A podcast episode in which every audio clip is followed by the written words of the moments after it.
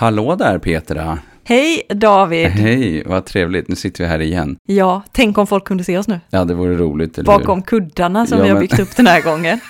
Inte... Vi har fått lite kritik från ljudteknikern, eller hur? För att ljudet var lite, vi plockade upp varandra. Han fick jobba för mycket, Ja. så att eh, nu så Så ska nu har vi byggt en mur. Ja, Ja, men vi ser varandra. ja.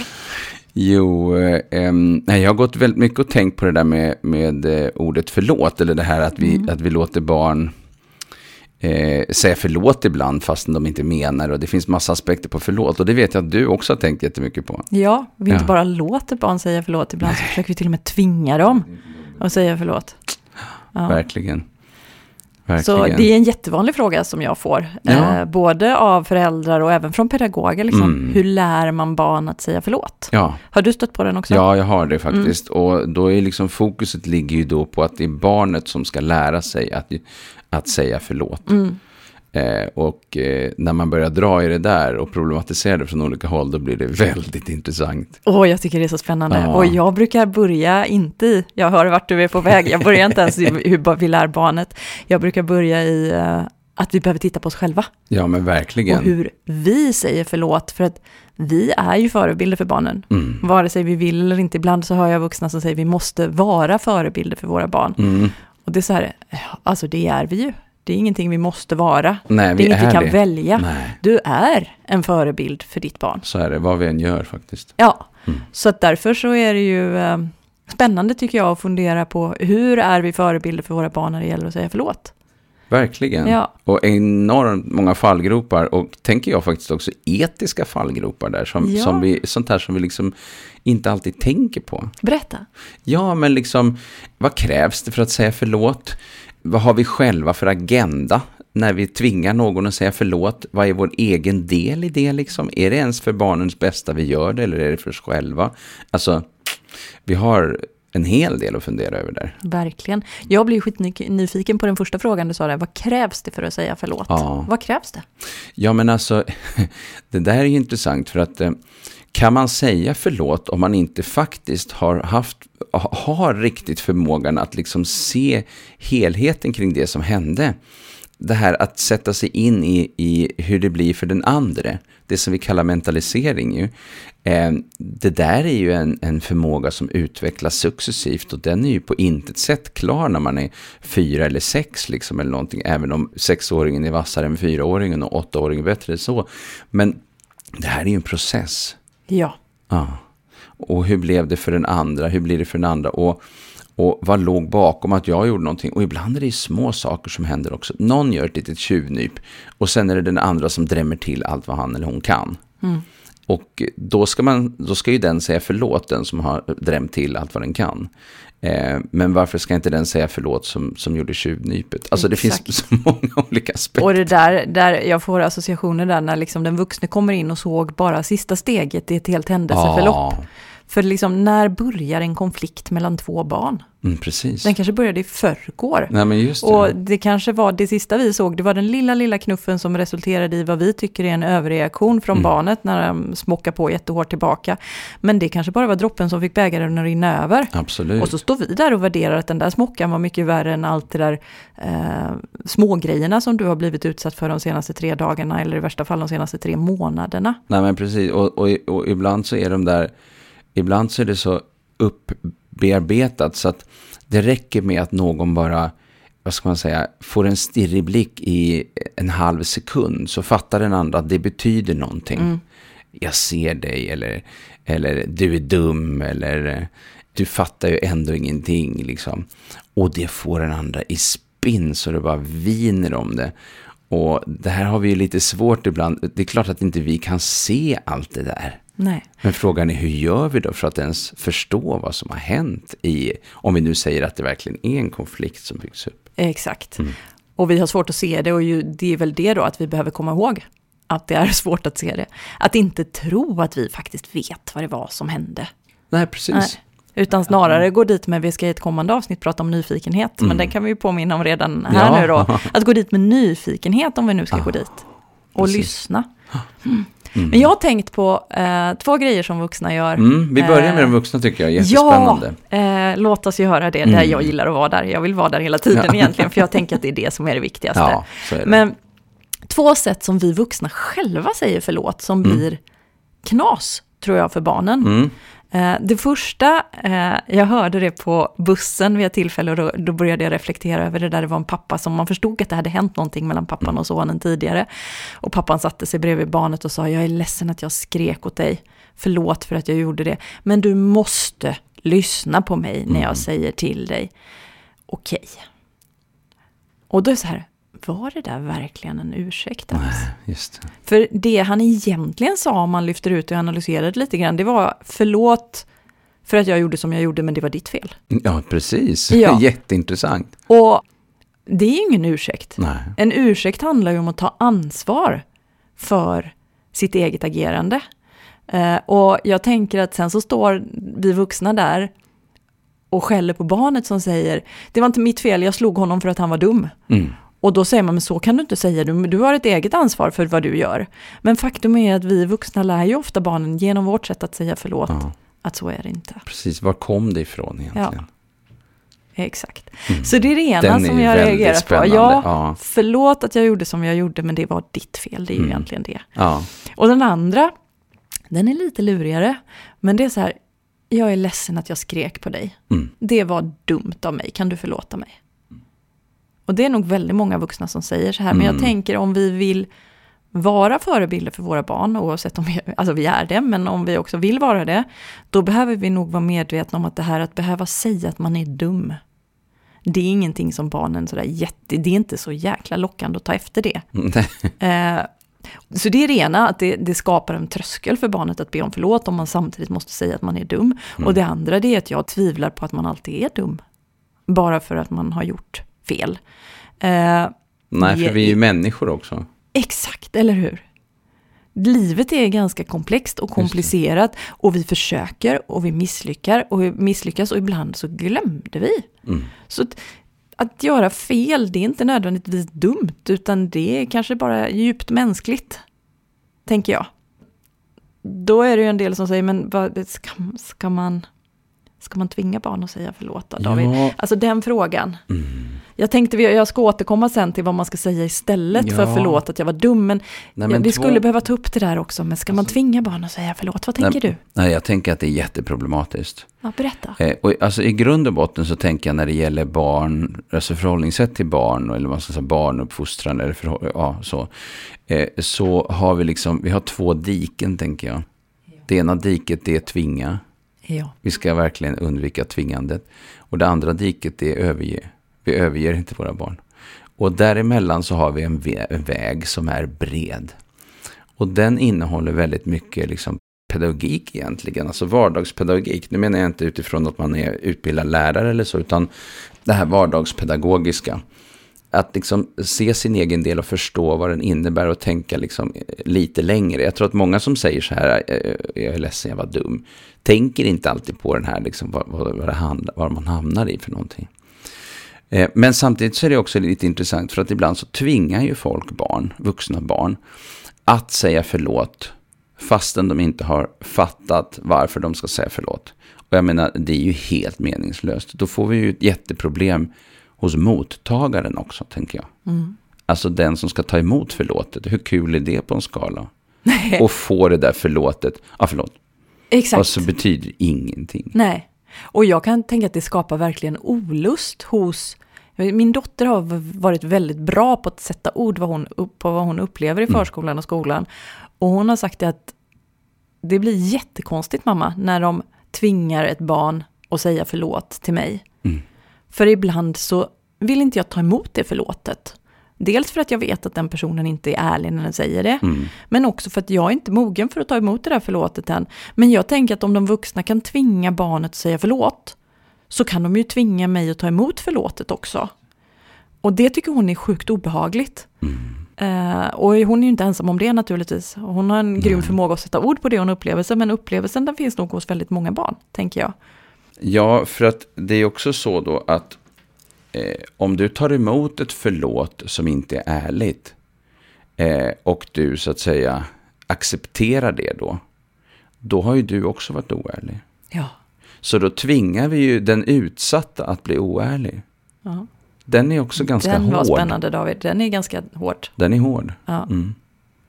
Och där tänker jag sådär, när vi tänker liksom ur hela perspektivet, liksom, vi har ju hela vägen då från barns tjafs och bråk och händelser i, i allt ifrån liksom sandlådor och kuddrum och, och lunchmatsalar och hemma i baksätet på bilen eller hemma framför tv. Det finns hela tiden finns det här eh, att man ska hitta till att förstå varandra, man ska klara av saker och ting.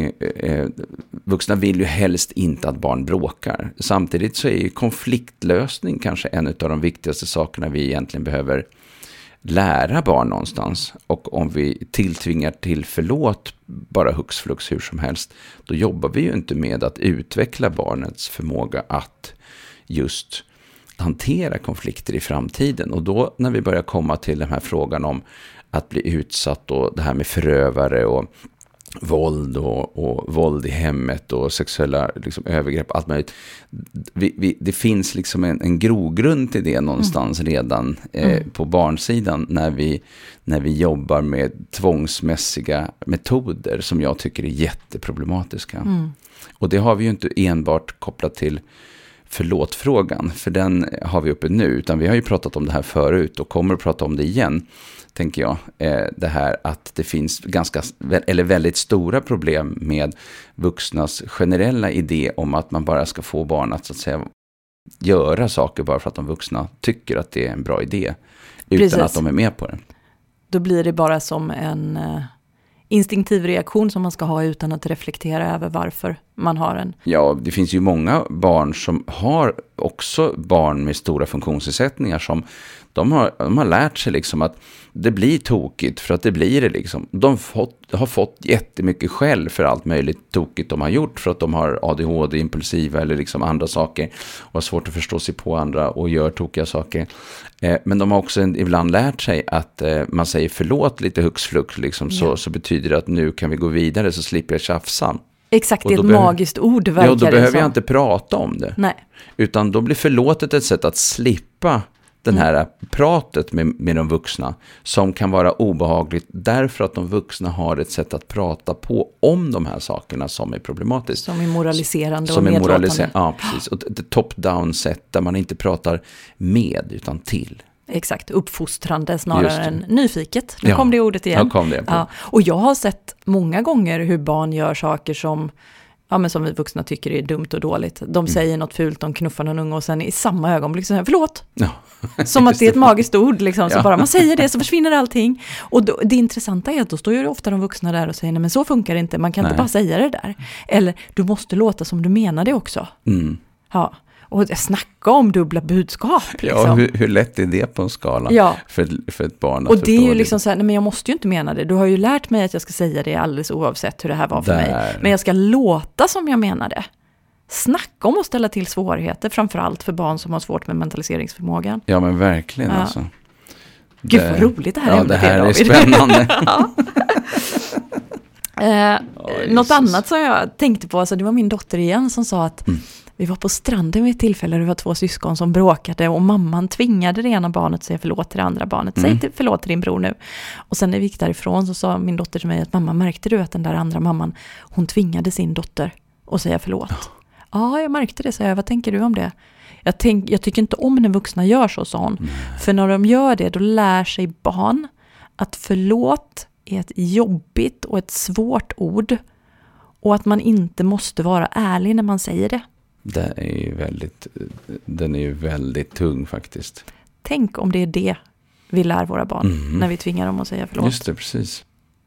Då blir det problematiskt. Och då kommer vi tillbaka till den här frågan om förebildsfrågan egentligen. Ja. Ja. Hur kan man göra det här på ett bra sätt då? ja.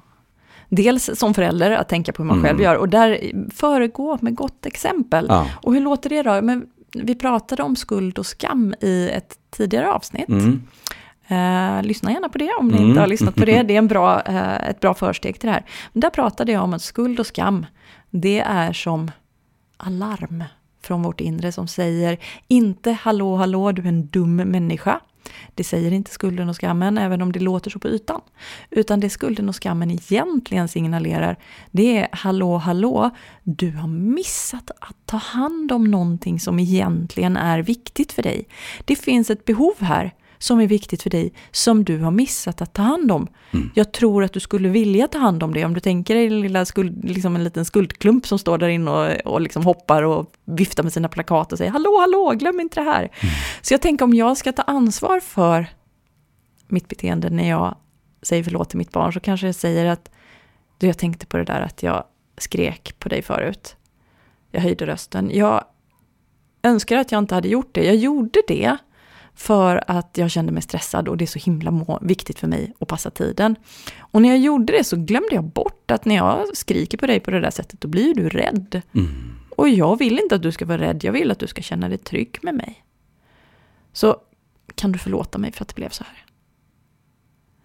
Och när jag uttrycker mig på det här sättet, då sätter jag ju liksom ord inför barnet på dubbelheten.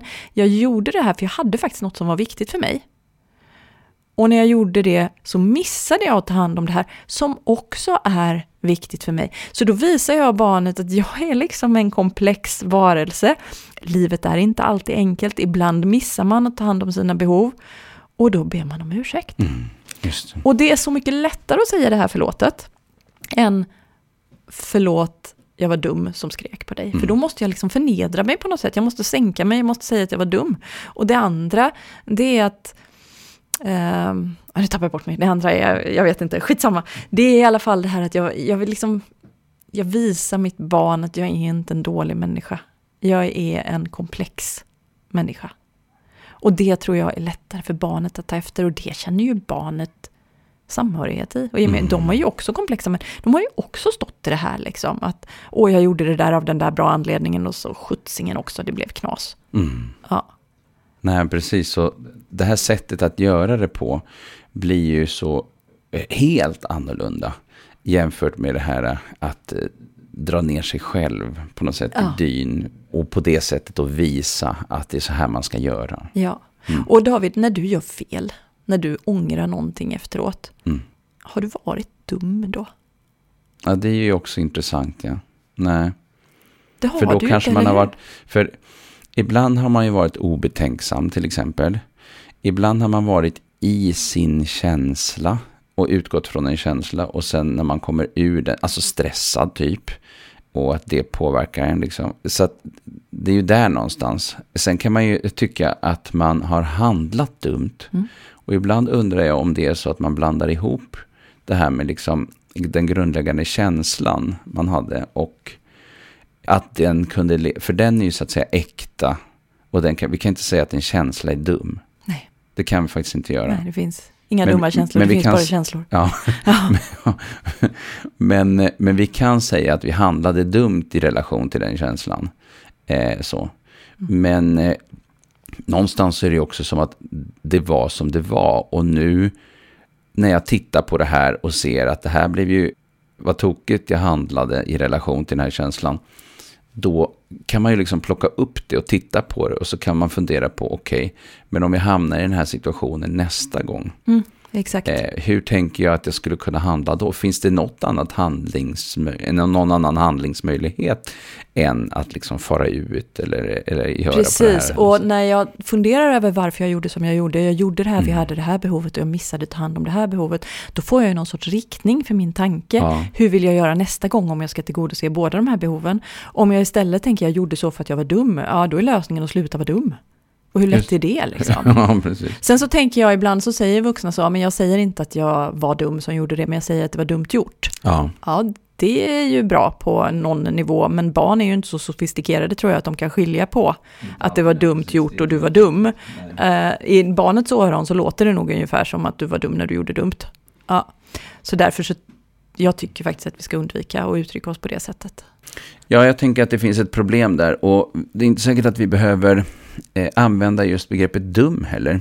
Eh, utan jag tänker att alla människor är obetänksamma emellan varven. Mm. Och eh, det är en skillnad på att vara dum. För det låter som att det var medvetet. Mm. Det är det någonstans också, att man kan vara dum på ett medvetet sätt. Exakt, och det finns två nyanser av dum. Det ena är dum som är korkad och det andra är dum som är elak. Ja, Ja, och, och, oft, och båda de två är ju också negativt laddade. exakt. Men att vara obetänksam är någonting helt annat. Ja, Faktiskt. Precis. Eh, Och att jag inte har liksom jobbat med den här frågan, jag har inte tänkt på den här frågan, jag har inte liksom processat det här, eller jag var för stressad i den stunden, jag var så omständigheterna. mån om att fylla det här behovet att jag missade att jag också har det här behovet. Ja. Där har vi någonting. Ja. Det är så intressant David, för nu har vi kommit en stor del av det här, den här poddtiden. Mhm. Vi har fortfarande inte ens börjat prata om barnen. Nej men eller hur? Det tycker jag är skitintressant. Och ja, för mig känns det som en klok prioritering. Ja, det För det är vi som är förebilderna liksom. Mm. Men om vi ändå ska kolla på det där. Eh, när barnet gör någonting som Mm. vi tycker är fel. Hur ska vi prata med barnet då? Mm. Och där tänker jag att vi kan, alltså jag vill ju stötta barnet i att lära känna sitt dåliga samvete. Och jag tycker väldigt ofta när jag ser att barn gör någonting som är dumt i mina ögon, så kan jag också se på barnet att barnet egentligen vet att det där var dumt. Mm. Det syns på hur de liksom vänder sig bort eller liksom tittar lite under lugg på mig eller någonting Och den här sånt lite där. skam, eh, Ja. eller skuld, det här, man, man- ser det här skuldmässiga. Den Liksom. syns i ser- ögonen rätt precis, jag, mycket. jag ser och, och man, man tittar ner eller man tittar bort. Eller, ja, precis.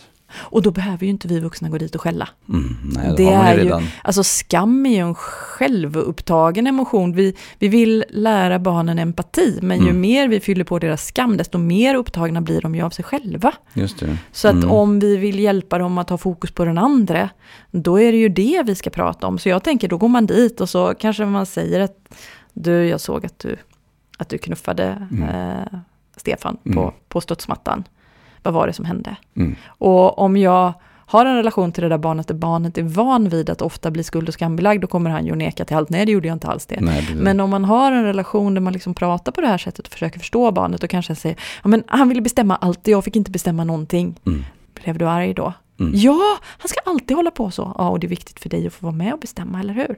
Så nu har jag hjälpt barnet att förstå att jag gjorde så här för att jag blev arg, för att det är viktigt för mig att vara med och bestämma.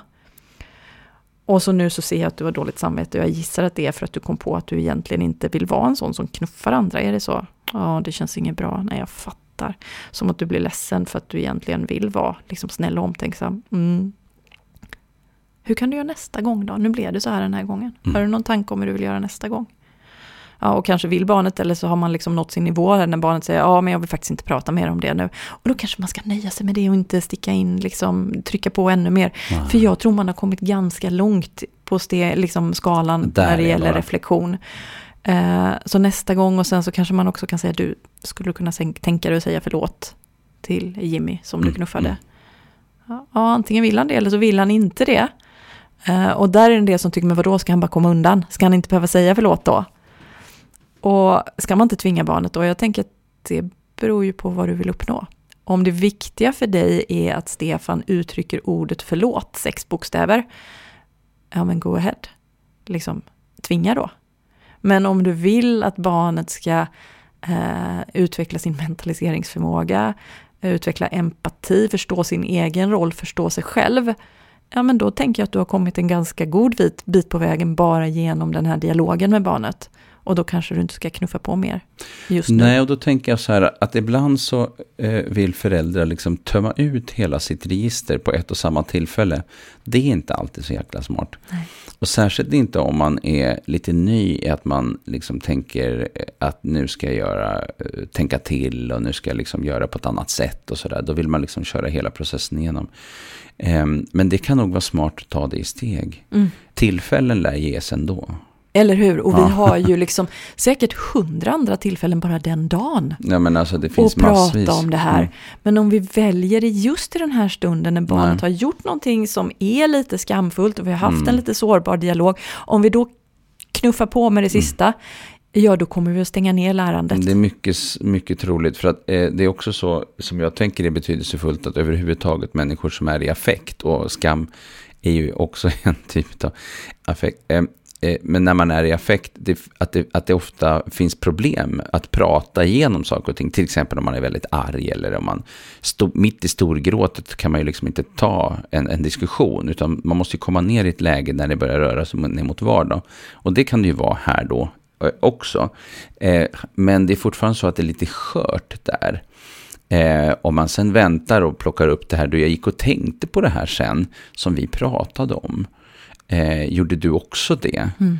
Eh, eh, och då kanske barnet säger nej, det gjorde jag inte, säger Nej. vi. Men då kan man ändå säga, ja, jag gick och tänkte på en sak som jag bara skulle vilja fråga dig om. Ja. Och då kanske man kan ställa den frågan, vid- är det okej med dig? Mm. Eh, och då kan man ta den i ett helt annat läge. Då kommer förmodligen barnet att säga ja, eller Mm. om de sitter och precis hade tänkt resa sig för att gå och göra någonting, då säger de nej. Men, men det är intressant att bara vi ibland kan liksom hejda oss själva och spara den här tanken och vänta lite, Mm. så är det mycket möjligt att eh, vi får till en helt annan dialog också, Mm. där den inte är kopplad till, till eh, di- direkt anslutning till, till affektpåslaget. Nej men precis, och jag märkte nu när du sa hur man skulle kunna säga att jag blev så här, det väckte någon sorts nästan längtan att tillmötesgå dig. Jag bara, du har varit nyfiken, du har funderat på det här liksom. Du vill veta mer om mig. Ja, just Alltså- det. Och det där är väldigt relationsskapande Ja, också. precis. Och jag tänker att de här barnen som, eh, som vi ser ibland, som, som jag har jobbat med, eh, som har väldigt, väldigt tufft i mötet med eh, omgivningen, som får mycket skäll, mycket tillsägelser och mycket tilltvingar sig att säga förlåt. Eh, därför att de inte tänker till innan de handlar, impulsiva, fariga eller har svårt med mentaliseringsförmåga och annat vad komplicerat, vad, vad svårt det blir det där eh, när man liksom har hållit på så länge på ett visst sätt. Att sen försöka få, vad ska man säga, det hela tillbaka på rätt köl. Mm. Det tar sin lilla rundliga tid alltså. Och det är bra att du påminner om det, för vi vuxna har ofta väldigt bråttom. Nu, Mm. nu ska vi ändra arbetssätt här liksom. Och så glömmer vi att har vi trampat på i de här spåren i tre år, så tar det ju kanske åtminstone tre månader att byta spår. Ja, men liksom. så kan det Ja. göra. Och Även vilken- om jag har gjort det på ett mentalt plan, Mm. så är det ju inte alls säkert att barnet är med på den växlingen. Nej, barnet liksom. har vant sig vid att vuxna, de skäller eh, till exempel, eller säger till på skarpen, eller tilltvingar på olika, och så gör man, börjar man göra på ett annat sätt, då är det så här, vad håller de på Ja, med? sjukt Eh, obehagligt. ja, Ja. liksom, vad är det som har hänt? Har de gått en kurs? Kan en del Ja, tonåringar nej, men säga. eller hur, vet jag. precis. Vad har ni varit på utbildning nu eller? det tycker jag är jätteroligt. Eh, och så kommer personalen tillbaka och gör på ett nytt sätt. Men, men eh, eh, det, jag tänker att man, man tar det successivt och, eh, och det kan man ju också säga, ja det har vi. Vi har upptäckt ja. att massa saker som vi har gjort var inte så himla bra. Nu ska vi göra på ett annat sätt. Jag Why tror, not? Jag tror jättemycket på att sätta Ah. sig ner när man har lite äldre barn eller om man jobbar på något boende Just. eller en skola och så här. Vet ni, vi har tänkt på att vi har gjort så här jättelänge. Mm. Och vi gjorde det för att det var det här och det här som var viktigt för oss. Mm. Och nu har vi kommit på att vi missade ju det här och det här Just, som var viktigt för oss. Det är Ja. egentligen samma grej. Så att nu har vi tänkt att vi vill jobba mer så här framöver. Vad tänker ni om det? Ja, det var Ja. bara vilken grej va? Ja, tänk de vuxna tar ansvar. Ja. Du, jag tänkte på en sista grej som jag vill ta upp. Det är ju det här, nu sa jag att barnet, man ser ofta att barnet vet att de gjorde fel. Mm. Men ibland så ser man ju faktiskt inte det. Nej, precis. Och ibland så vill barnen överhuvudtaget inte kännas vid Nej, nej, nej. att de gjorde fel. Nej, jag har inte gjort något. Ah, Så. Och vad gör man då, då? Men då tänker jag att då behöver vi också börja med empatin Mm. först. Liksom. Mm. Jag såg att du eh, knuffade henne på studsmattan där borta. Nej, det gjorde jag inte. Jag tyckte jag såg det. Men du, eh, var det som att du blev skitarg på henne när ni var där? Ja, då kan man nog, för nu börjar jag Mm. fråga istället för att fördöma. Ja, men alltså hon ska alltid bestämma allting. Mm. Ja, och då blev du förbannad. Var det så? Ja, jag vill ju också bestämma. Okej. Och du, jag fattar det. Jag vill också bestämma och bli hörd i olika liksom, sådana gemenskapssituationer. Och samtidigt, när jag ser att, att du knuffar henne så blir jag orolig. Eh, för att jag är mån om att det ska vara bra för alla barn här. Och jag skulle inte gilla om någon knuffade dig. Så nästa gång så, så skulle jag gärna vilja att om du kunde att du kan snacka med mig istället när det blir sådär. Eller har du några andra förslag på hur du skulle kunna göra när du blir sådär förbannad och också vill vara med och bestämma? Och det är inte alls säkert att barnet vill prata om det. Och igen, vi kan inte komma i mål varje gång. Eller i mål som vi tänker då, som är att Åh, barnet ska ha mentaliseringsförmåga och be om ursäkt och empati. Utan det är ju en långsiktig process, precis där du började. Och jag tänker att när vi har gjort det här, att vi har visat empati för barnets perspektiv och samtidigt satt ord på det som är viktigt för oss. Då har vi kommit en god bit på vägen. Ja, det här är ju verkligen en process va? Ja. Mm. Du, en sista grej. Eh, en del säger så här att ja, men man måste nästan tvinga fram ett förlåt från ett barn för att hur blir det för det andra barnet annars Mm. som blev utsatt? Just det. Vad tänker du om det? Ja, men att, eh, tillbaka lite till den frågan som du hade tidigare. Hur utsätter man då den som har, har eh, blivit utsatt för det här med att, att, att, att, att tilltvinga sig att, att ta emot ett förlåt? För, Mm. för ett förlåt är en ömsesidig grej, det är inte en ensidig grej. Faktiskt, det är en ömsesidighet. väldigt bra att, kommentar. Ja, för Ja. att man måste ju ta emot förlåtet, annars är det meningslöst. Mm. Och om någon verkligen, verkligen ber om förlåtelse och den andra säger nej, Mm. då funkar ju inte förlåtet i alla fall. Nej. Så då kan man ju hålla på hur mycket som helst. Mm. Så det, det tänker jag är liksom Mm. kärnan i det Mm. någonstans. Men hur ska man tänka kring det där barnet som blev utsatt för ja, men knuffen på studsmattan då till exempel? Måste Ja. man inte på något sätt visa det barnet, säger då andra, att, Mm. att det var fel det den blev utsatt Just för? det, och då tänker jag så här att ibland så måste man ha ett snack med det barnet som blev utsatt och, och prata om olika saker. Och jag tänker också så här att vi har ibland att göra med barn som just har väldigt svårt att styra sig själva. Till exempel sina impulser. Eh, och eh, lackar till snabbt och smockar till eller liksom reagerar väldigt instinktivt snabbt. Och det här är någonting som det här barnet hamnar i hela, hela, hela tiden. Och då är det också så att då kan vi ju inte bara säga till det här barnet att du måste tänka dig för till nästa gång. Nej. För det kommer inte funka. Nej. Utan där behöver ju så att säga, de vuxna också ta tillbaka den här frågan till sig själva och fundera över vad var det som ledde till Mm. att den här konflikten uppstod överhuvudtaget. Kunde vi vuxna här, vi föräldrar eller vi här på fritids eller vi här i skolan, kunde vi, eller på boenden, kunde vi ha gjort någonting för att det här inte skulle ha inträffat? Mm. Och Till framförallt, exempel- vad kan vi göra nästa gång? Ja, men precis. Framförallt till nästa gång. För det är ju en slags analys där. Okej, nu ska vi alla sätta oss i bilen i baksätet. Ska vi se till att det finns lite saker att göra? Att man är utvilad? Att man... Eh, ska alla verkligen sitta bredvid varandra? Finns det en poäng att någon sitter i framsätet och de vuxna sitter i baksätet, kanske till och med i mitten och läser för de små barnen där bak medan den större sitter... Alltså, det finns massa olika sätt att liksom göra saker och ting på. Så man måste, man måste rigga situationer. Eh, eh, och eh, hur blir det här på våran, på våran gård, på fritids till exempel, när, eh, när den här eleven eh, egentligen inte har någon, någonting bestämt som han eller hon ska göra och bara far runt som ett jehu liksom och eh, eh, ställer till det på en det ena, en det andra, en det tredje stället. Är det så att vi skulle behöva styra upp det här lite bättre? För att ibland så är ju själva upprinnelsen till den situation som leder till att man ska säga förlåt inget, ingenting överhuvudtaget som egentligen vi kan koppla till barnet. Alltså vi måste fundera på ansvarsfrågan där. Hur mycket ansvar har det här barnet för det som han eller hon gjorde? Även om det var så att han eller hon drog iväg och smällde till eh, någon eller, eller liksom puttade någon eller så.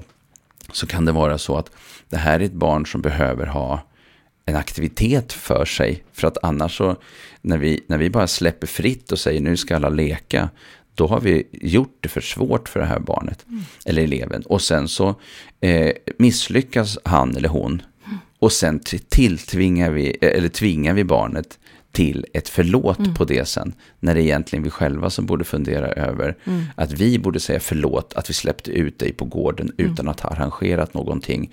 Eller in i baksätet på bilen utan att ha arrangerat så att du skulle kunna klara av det. Vi måste ju hjälpa barnen att Ja men det är ju lyckas. det liksom. Ja.